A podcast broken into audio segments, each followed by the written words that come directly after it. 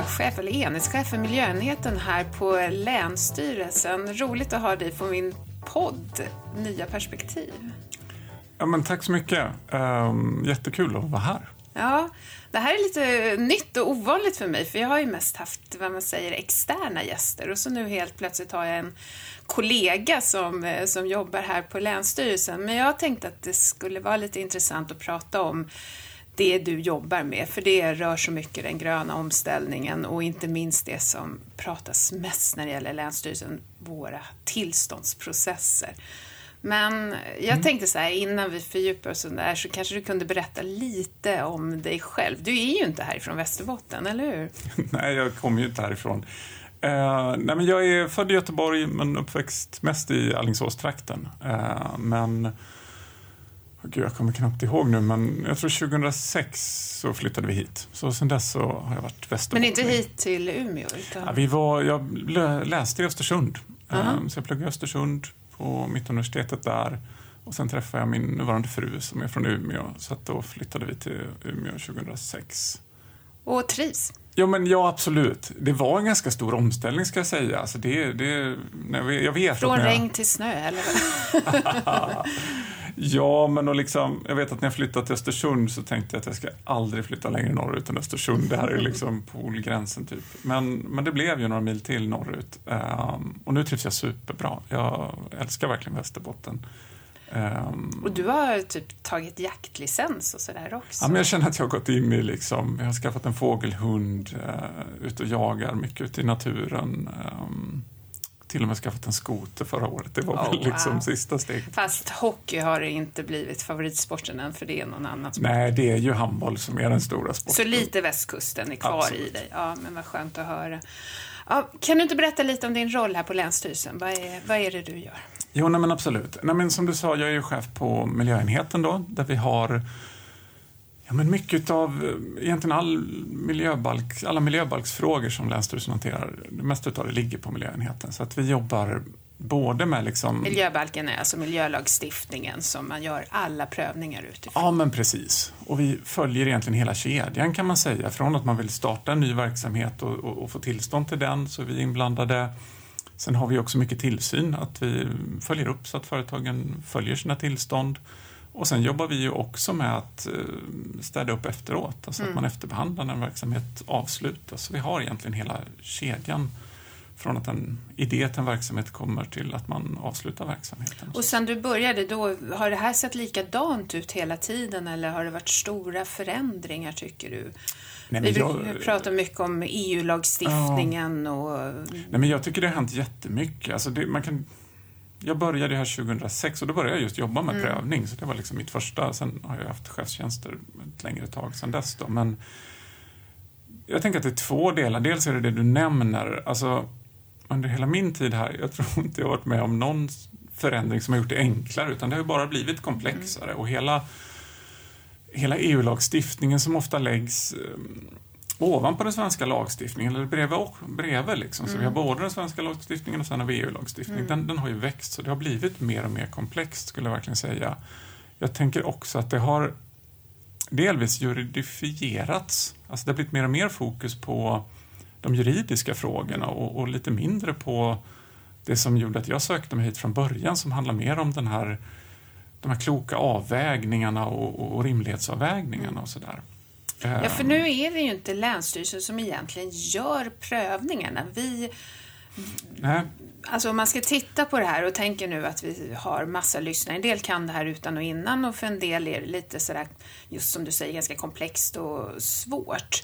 Men nästan alla prövningar görs i domstol eller av miljöprövningsdelegationen som finns här på Länsstyrelsen. Men ja, men har en annan roll? Hur ja, som är, som är, det är ju som en fristående beslutsfunktion kan man säga kanske, den här mm. miljöprövningsdelegationen då, som tar själva besluten så att säga.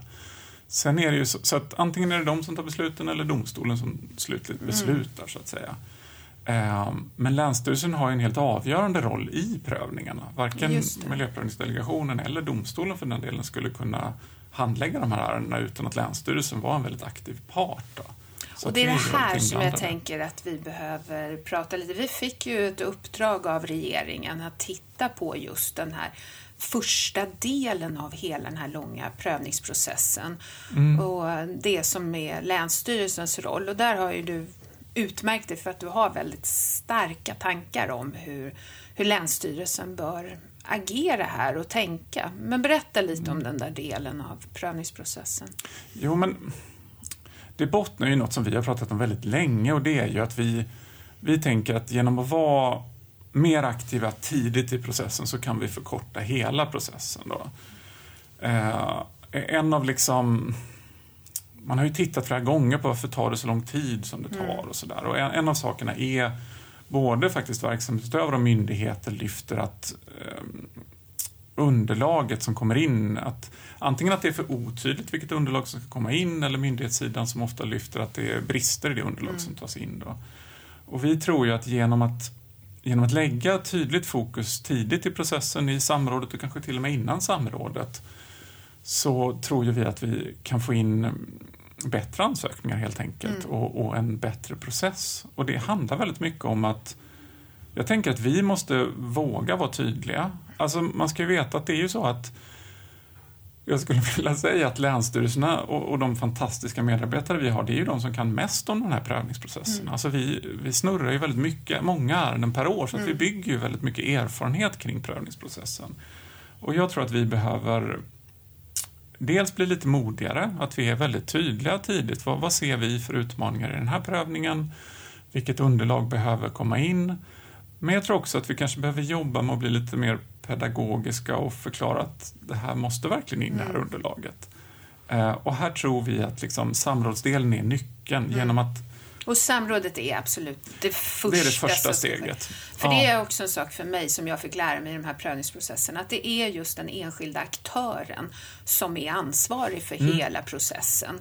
Och eh, myndigheten har att just se till att rätt saker kommer in så att det sen kan slutbeslutas då antingen i miljöprövningsdelegationen om det är ett mindre ärende eller i domstolen om det är ett större, Mm. större ärende. Ja. Och det, Men det är ändå, kan du inte bara säga no, de här aktörerna, vad, är, vad kan det vara för typ av aktörer? Nej, men pratar vi om just miljöprövningar så, så är det ju det kan vara väldigt stora företag som vill starta någon stor ny verksamhet. Eh, Det kan också, vi har en hel del kommunala eh, verksamheter som söker tillstånd. Eh, Och det kan vara typ som en... Ja, men det kan vara, alltså på kommunala sidan så är det oftast reningsverk eller värmeverk eller avfallsdeponier, det är väl de vanligaste. Industrisidan, där beror det ju lite på var någonstans i Sverige man är. Tittar vi på Västerbotten så har vi ju ganska mycket trävaruindustri, alltså både sågverk men massafabriker och så.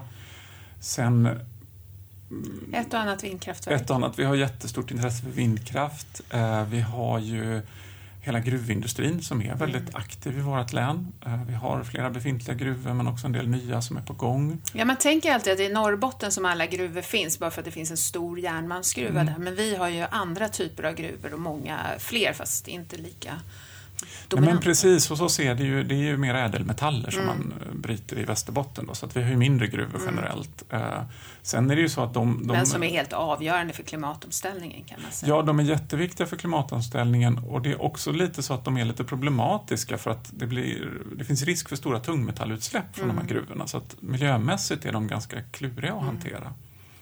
Ehm, sen, sen har vi också, jag tänker apropå det där, vad har hänt under åren? Ja, den, den stora etableringen i Skellefteå med Northvolt och batterifabriken där är ju en trend, tycker jag, att vi, det, vi märker att det är fler och fler energiintensiva industrier söker sig till vår region eftersom det finns god tillgång på el och delvis klimatet också. Eh, och där har vi ju, vi ser ju idag att vi, vi också har flera underleverantörer eller kringindustrier till Northvolt som också söker tillstånd nu. Så att där, där pågår ju väldigt mycket.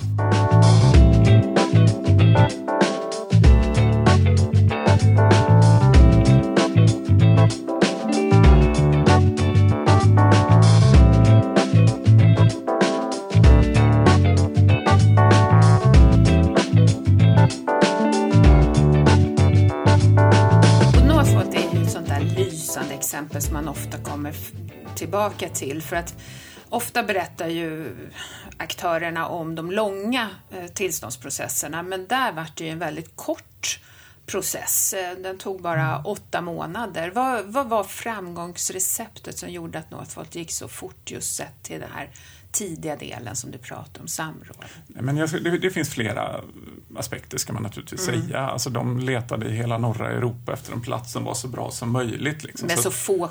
Så få konflikter ja. som möjligt. Så mm. de hade det ju lite förspänt så ska man ju säga. Men det som vi har tittat på är ju att det blev en väldigt bra dialog mellan oss och mm. bolaget. Jag skulle verkligen vilja framhålla det. Vi hade, för, för, det är också en sak som vi pratar om i det här samrådsuppdraget, att det handlar inte bara om Ibland kan man tänka sig att samrådet bara är ett möte. Vi har ett fysiskt möte och så är samrådet gjort och så är det klart. Mm.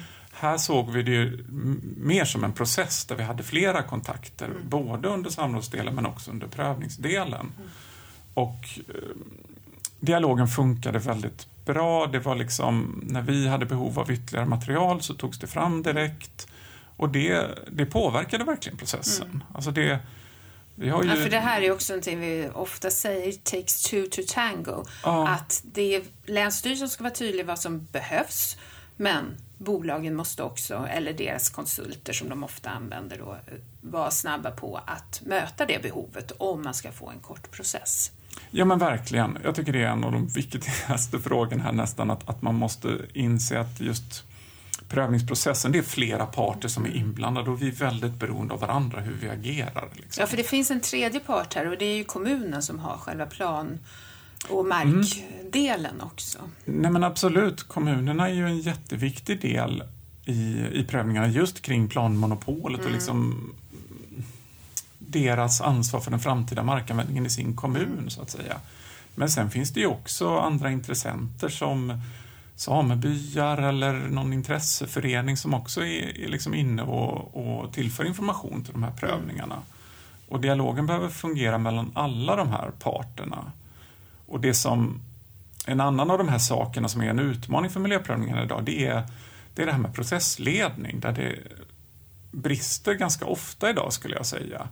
Men där ser jag ju också att att Länsstyrelsen har en liten unik möjlighet att verkligen ta en aktiv roll där, mm. att ta ett ansvar för hela processen, att försöka att liksom inte inte bara se till våran del utan försöka se till den hela processen och se till att processen blir så effektiv som möjligt. Men vad är det som hindrar Länsstyrelsen idag från att ta den rollen? Nu är ju vi 21 stycken länsstyrelser som alla är självständiga myndigheter och ja, vi ser lite olika på just den här rollen och hur aktiv man ska vara. Vad, är det en resursfråga eller är det faktiskt så att vi, vi ser olika på det och skulle behöva bli lite mer samspel? Men, jag tror att det är både och. Jag ska inte sticka under stolen med att det är klart att resurserna är viktiga. Mm. Det är mm. helt avgörande för att den här processen ska fungera så smidigt som möjligt. Liksom. Men, men sen, jag tror att det också handlar rätt mycket om att man måste Alltså Länsstyrelsen är en ganska unik myndighet på så sätt att vi har en väldigt bred verksamhet och ett brett uppdrag. Mm.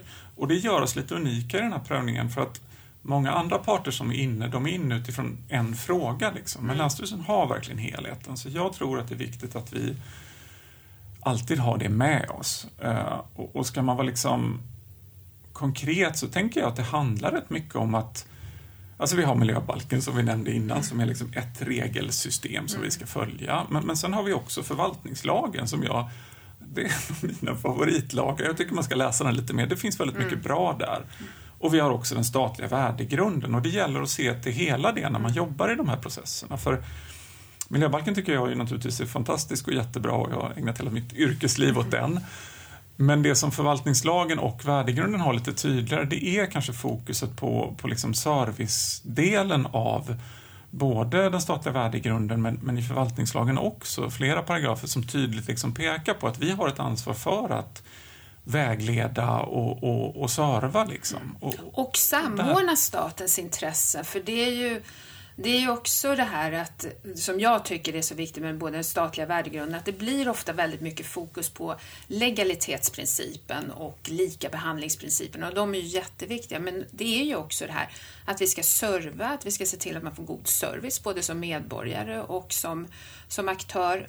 Men också att vi ska samordna staten så att staten talar med liksom en mun och inte hamnar i konflikt med varandra. För det är ju också så att det finns nationella myndigheter som har synpunkter i prövningsprocessen. Inte i alla, men mm. i en del. Nej men, nej men det gör det.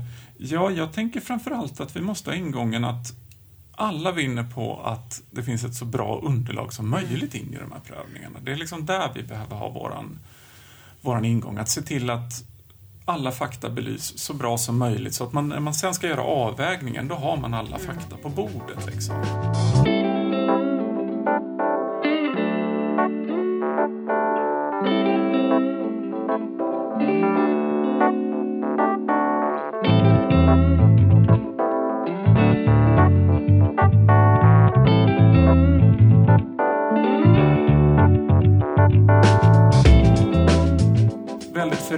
Förenklat så är det ju faktiskt så här att vi har en lagstiftning som säger att alla de här verksamheterna är tillåtna i Sverige. Mm. Det här får man göra i Sverige.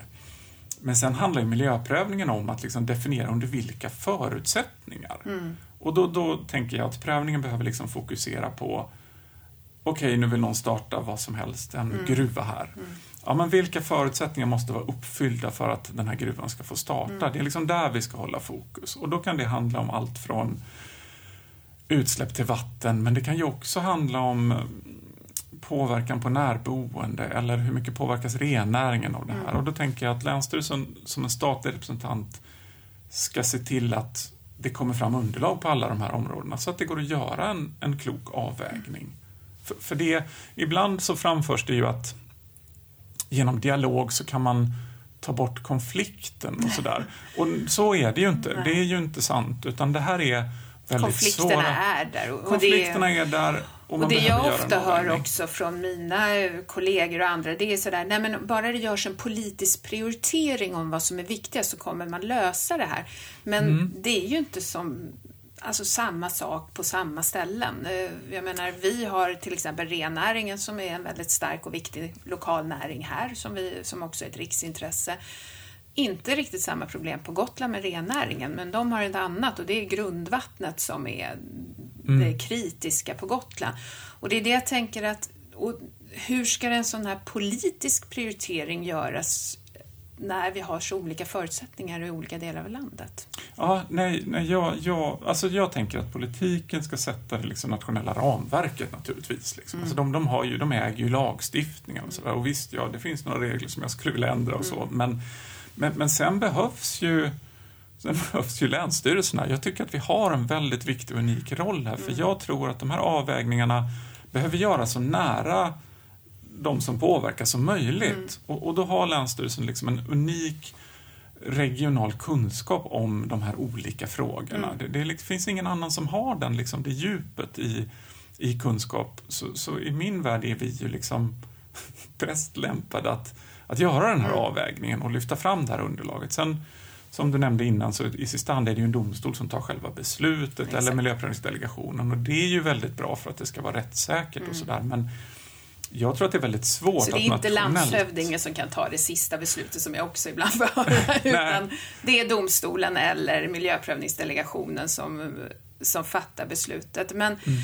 Nu har ju vi många ärenden som har figurerat här som har handlat just om att det har blivit fel i själva processen eller i samrådsdelen. Skulle man kunna tänka sig att det är en målsättning att i alla fall prövningen handlar om själva sakfrågan mm. och inte mm. om man har gjort rätt i samrådet, utan det ska vi liksom kunna, eller i processen. Eh, för det är väldigt ofta det som diskuteras nu, processfrågor, när vi vill ha den sakliga prövningen ja, och att verkligen. Länsstyrelsens roll är att stötta aktörerna i att det i alla fall inte säkert blir ett ja, men att det blir en prövning i sakfrågan. Ja men absolut. Och det var, jag tycker att den här miljöprövningsutredningen som kom i år då, som har mm. tittat på hela systemet, deras eh, problembild var ganska bra. De har verkligen försökt titta vad är, mm. vad är utmaningarna och, och det, de lyfter bland annat två saker. Då. Dels det jag sa om att underlaget inte är tillräckligt mm. och den andra är precis det du var inne på nu att att det är felaktiga avgränsningar eller fel sak prövas. Mm. Båda de två frågorna tänker ju vi att de borde man liksom lösa ut i samrådsdelen. Det måste vara jättetydligt. Där. Mm. Vad är det som ska prövas och vilket underlag som behövs. Ja. Skulle vi liksom klara av det, så att när ansökan väl kommer in så är vi överens om vad är det som ska prövas och vi är också överens om vilket underlag behövs för att pröva det här. då skulle prövningarna gå betydligt fortare tror jag.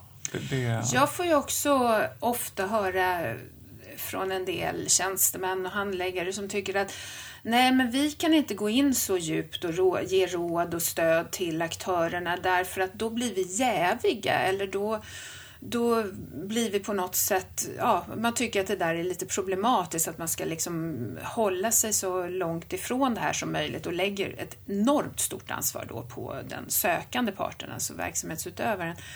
Men jag tänker mm. Skatteverket som är en av Sveriges populäraste myndigheter, vilket, eller i alla fall med högst förtroende, kanske inte så populär, men, men med högst förtroende. De stöttar ju och hjälper till och fattar ändå själv sen besluten i själva myndighetsutövningen. Så jag tänker, Mm. Det borde inte, och här är det ju inte ens vi som, som fattar det slutliga beslutet utan just en domstol eller NPD då, som det kallas för. Ja, nej, nej men jag, jag ser inte riktigt konflikten där, men, men jag, jag vet ju i det här uppdraget vi har nu så pratar vi ju ganska mycket med många län och många verksamhetsutövare och sådär. Och, och, och det här är väl också kanske lite personberoende, mm. handläggare och, och vi och så där ser på lite olika sätt, men Nej, jag tycker att vi skulle kunna jobba mer som Skatteverket har gjort i sin resa. Då. Det jag tror det handlar om är att, alltså går man till lagstiftningen, alltså det kanske kopplar lite till den här legalitetsprincipen som vi pratade om innan, för går man till lagstiftningen så är det ju dock väldigt tydligt. Precis som du sa så är det verksamhetsutövaren den som ansvarar för samrådet.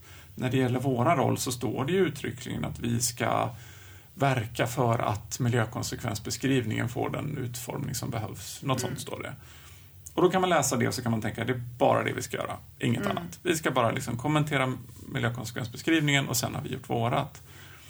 Men den förändring vi måste få till, tänker jag, det är just det där med helheten, att vi, att vi tar ett ansvar för hela processen. För som jag sa, alltså våra handläggare är ju de som är mest erfarna av alla med det här. Alltså de som sitter på Länsstyrelsen och jobbar med prövningar hanterar ju mängder av ärenden varje år, så de, de, de kan ju väldigt mycket om den här processen. Och då tänker jag att utöver konkret vägledning om hur miljökonsekvensbeskrivningen ska se ut, som också är väldigt viktigt, så behöver vi också vägleda om, om, om liksom de andra frågorna. Jaha, men ni vill etablera en verksamhet här. Av erfarenhet vet vi att det här kommer vara en avgörande tillåtlighetsfråga. Ni måste titta på den här mm. frågan. Eller ni, ja, det, det, kan ju vara massa olika saker, men vårt län, ta rennäringsfrågan. Mm. Det är klart att vi måste försöka vara supertydliga i, i samrådsdelen, att de verkligen utreder påverkan på rennäring och att det inte räcker med att mm. säga det blir ingen påverkan så att vi ser inget problem. Utan man måste ju verkligen visa mm. också, vad blir påverkan och hur minimerar man den påverkan? Alltså, att vi tar, I min värld så handlar det om att ta ett helhetsansvar för hela processen. Och det handlar ingenting om att alla ska få tillstånd eller något sånt, utan det handlar bara om att för på så sätt så får vi en så effektiv process som mm. möjligt.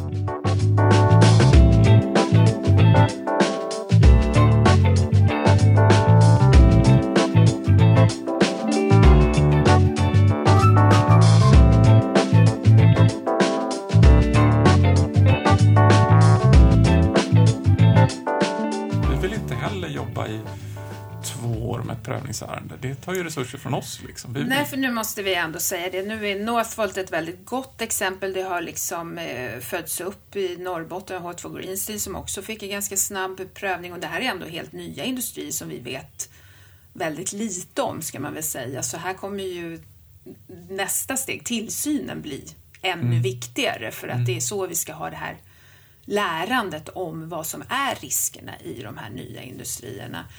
Men, men det finns ju också exempel. Vi har ju ett ärende här som har legat i vad är det, snart 40 månader eller någonting sånt. Och vad är det som händer när det liksom går så långt? Alltså att det inte, att det tar så lång tid?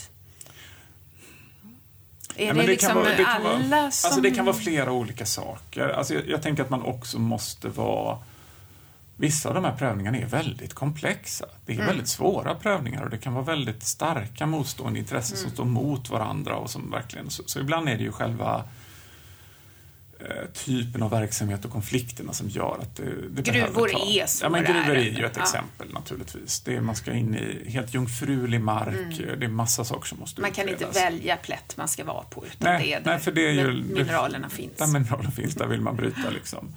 Um, men, men om, man tänker, om man bortser från den delen då, så skulle jag säga att det är när kommunikationen inte har fungerat så bra som det tar lång tid. Mm. Och jag, det ligger både på oss och på verksamhetsutövarna men också på domstolen. Alltså mm. de processer vi har haft som har tagit längst tid, väldigt ofta så är det då en hel del skriftväxling om vilket material som överhuvudtaget ska eh, vara med i mm. prövningen. Alltså istället för att prata sakfrågorna så pratar man avgränsning, form, vilket underlag som ska in. Mm. Och då tar det ofta väldigt lång tid. Så man kan också säga att eh, företagen, men inte minst de konsulter som de ofta använder, att det är viktigt att de kan de här processerna ordentligt för att förstå vad det är som behövs så att de ger goda goda råd. Ja, men jag tycker du säger det bra om att man behöver vara två för att kunna dansa mm. ihop. Alltså det, båda parterna behöver ha den, den ingången. Sen, sen är det ju så att de här större verksamheterna tillståndsprövas ju i domstol och det Ibland leder det in oss liksom i en känsla av att vi är i någon sorts tvisteprocess. Liksom. Ja. Hela eh, systemet runt omkring är egentligen inte så bra riggat för dialog. Mm. Liksom, utan det är ju två parter som står mot varandra. Och, alltså, det är ju lite uppstyrt så. Men, och sen men... lever vi i en tid där det inte bara känns som det är tvister utan där det är polarisering men också lite blame game. Att det gäller att lägga skulden hos någon annan så fort som möjligt och Länsstyrelsen har fått vara lite den ja. som man vill lägga skulden hos eh, istället för att titta på kan vi göra någonting bättre i den här delen. Mm. Nu har vi påbörjat en bra dialog med domstolarna om just det där, vad vi kan bli bättre på i, i våra ja, men... delar. Och inte minst för att vi har så mycket prövningar på ingång här så behöver vi också ha en liten planering, tänker jag. Ja, vi behöver verkligen hitta sätt att jobba effektivt här för att det är ju utöver det vi pratade om då med liksom den gröna mm. omställningen på industrisidan så är vi ju också ett län med liksom jättemycket vattenkraft. Mm. Nu, nu kom en nyhet häromdagen om att man pausar nappen tillfälligt mm. men, men på sikt ska ju all... Nappen är alltså prövningen ja, utav alla? Omprövningen utav alla ja. vattenkraftverk. Mm. Alltså, man har ju bestämt att all vattenkraft ska omprövas och det är jättemycket mm. anläggningar hos oss. Men vi har ju också hela den stora infrastruktursatsningen som finns i Norrbotniabanan mm. som genererar många mm. prövningar. Mm. Och sen ser ju vi väldigt tydligt att elnätsfrågan har, har ökat väldigt mycket. Vi har många, både nya koncessioner som dras, men man jobbar också mycket med säkring av mm. elnätet. Så att, dels är det det som gör det så himla roligt att jobba här, för att det är så himla mycket på gång som händer. Men det ställer ju också krav på att vi försöker hitta sätt att jobba effektivare, mm. för annars tar det för lång tid och vi blir en bromskloss som vi ju absolut inte vill vara. Men hur ser du här på eh, framtiden? Det är ju ändå som du säger, det känns ju som att det här bara ökar och ökar. Vi har en möjlighet att ställa om, men vi vill ju göra det på ett sätt så att vi inte eh, förstör de lokala förutsättningarna, vare sig för näringar eller miljö eh, och natur, utan vi vill ju faktiskt eh, ta hänsyn till det samtidigt som vi ska klara både energiförsörjningen och den här stora klimatomställningen. Tror du att det här är möjligt? Eller ja, men det, det? Nej, men det är klart att det är möjligt. Det tänker jag absolut att det är. Sen är det ju så att alla får inte plats överallt, utan nej. vi behöver göra de där avvägningarna. Och, och det kommer liksom landa på lite olika sätt. Um, men det som är så spännande tycker jag, det är ju att vi har ju den här utvecklingen med att vi, vi har ju historiskt producerat väldigt mycket energi i våran del av mm. Sverige. Liksom. Att vi nu också får industrin som använder energin och liksom tar ta några steg till på vidareförädlingskedjan, det tror jag är väldigt nyttigt för hela regionen. För det, jag tror att det också ger lite ökad förståelse för att man tar mark i anspråk för att producera energi mm. när man också ser att det ger också eh, verksamheter och arbetstillfällen och sådär. Um, sen, sen finns det ju massa områden där där vi liksom skulle kunna komma längre i att de här verksamheterna också bidrar till ja, men, biologisk mångfald. Alltså, man kan ju göra ganska mycket i de här verksamheterna för att också öka värdena. Mm. Liksom. Där tror jag finns ett område fortfarande som är som vi kan utveckla ganska mycket faktiskt i att vi Och höjer inte världen. alltid se att klimat, eller det här grönt mot grönt som man säger, klimat kontra lokal miljö, är motsatser utan att man kan hitta sätt att vi både klarar klimatomställningen och ändå gör insatser för att stärka miljön. Nu har vi ja. ju precis fått en rapport som visar att eh, klimatpåverkan på till exempel vår fjällnatur gör att vi får en försämrad miljö i fjällen och, och därför behöver vi också göra klimatåtgärder men samtidigt göra insatser för att stärka miljöarbetet och naturvården för att annars så kommer vi förlora arter mm. till exempel. Mm. Och det, Nej, men, det behöver inte vara en motsättning men det kräver att vi jobbar med flera saker samtidigt. Det kräver att vi jobbar med flera saker samtidigt och sen är det faktiskt också, alltså det är otroligt roligt att vara mitt uppe i det här. Mm. Det är mm. jätteintressant att se vi har jättestora intressanta projekt kopplat till elektrifiering mm. av verksamheten nu som naturligtvis delvis kommer av att vi har en jättestor batteritillverkare i regionen och vi har god tillgång på el. Och så. Alltså nu, nu händer ju mm. det som, som man har väntat väldigt länge på. Um, och det här ska ju egentligen Alltså en stor del av det här ska ju göras i en, en ganska kort period. Mm. Liksom. Nu, det är nu vi ställer om. Sen kommer det ta liksom, 10-15 år att bygga och bli klara med alltihopa. Men vi, nu är vi mitt inne i när allt, allt ska prövas och allt händer. Liksom. Och det är ju jätteroligt och stimulerande. Mm. Ja, och som sagt, för alla lyssnare som är söderifrån, jag vet att man tror att det bara är eh, glesbefolkat och att marken inte är anspråktagen, men den är i anspråktagen överallt. Vi har rennäringen som går från fjäll till kust och eh, vi har väldigt mycket naturvård eh, som eh, vi behöver och miljöskyddad mark. Eh, vi har ett starkt försvarsintresse som har stärkts på senare mm. tid och eh, som sagt, vi har mycket infrastruktur och annat som ska byggas ut så att det finns markkonflikter på i stort sett varenda kvadratmeter här eh, mm. och det är det som man ska pröva i de här prövningarna. Jag tänkte avsluta med, nu har vi hört lite om dig, men eftersom du ändå inte är här från Västerbotten, vad är det du tycker allra, allra bäst med Västerbotten? Jättesvår. Um, nej men jag för mig, dels är det så att Vindelälven har en speciell plats i mitt hjärta. Jag, både mina svärföräldrar har ett hus utanför i Lycksele kommun längs med Vindelälven. Det är en jätteviktig plats för mig. Alltså det är en helt fantastisk älv. Alltså jag kommer ju från en region där det typ inte finns älvar ju. Alltså, det är ju små Göta älv eller? Mm, den är jämnbrun och, och jag vet inte. Den är inte pålämd då, om man säger så. Nej, verkligen inte. Eller forsande. Man vill kanske inte dricka vattnet heller direkt. Nej. Um, nej, men Vindelälven tycker jag är oerhört speciell. Och sen så älskar jag ju naturligtvis fjällen också. Alltså att få gå på hösten och plocka svamp eller gå med fågelhunden som springer över fjällen, det är ju något av det bästa som finns. Det är ju riktiga pärlor som, som Västerbotten har. Mm, vad härligt. Stort tack för att du var med. Ja, men tack. Jätteroligt.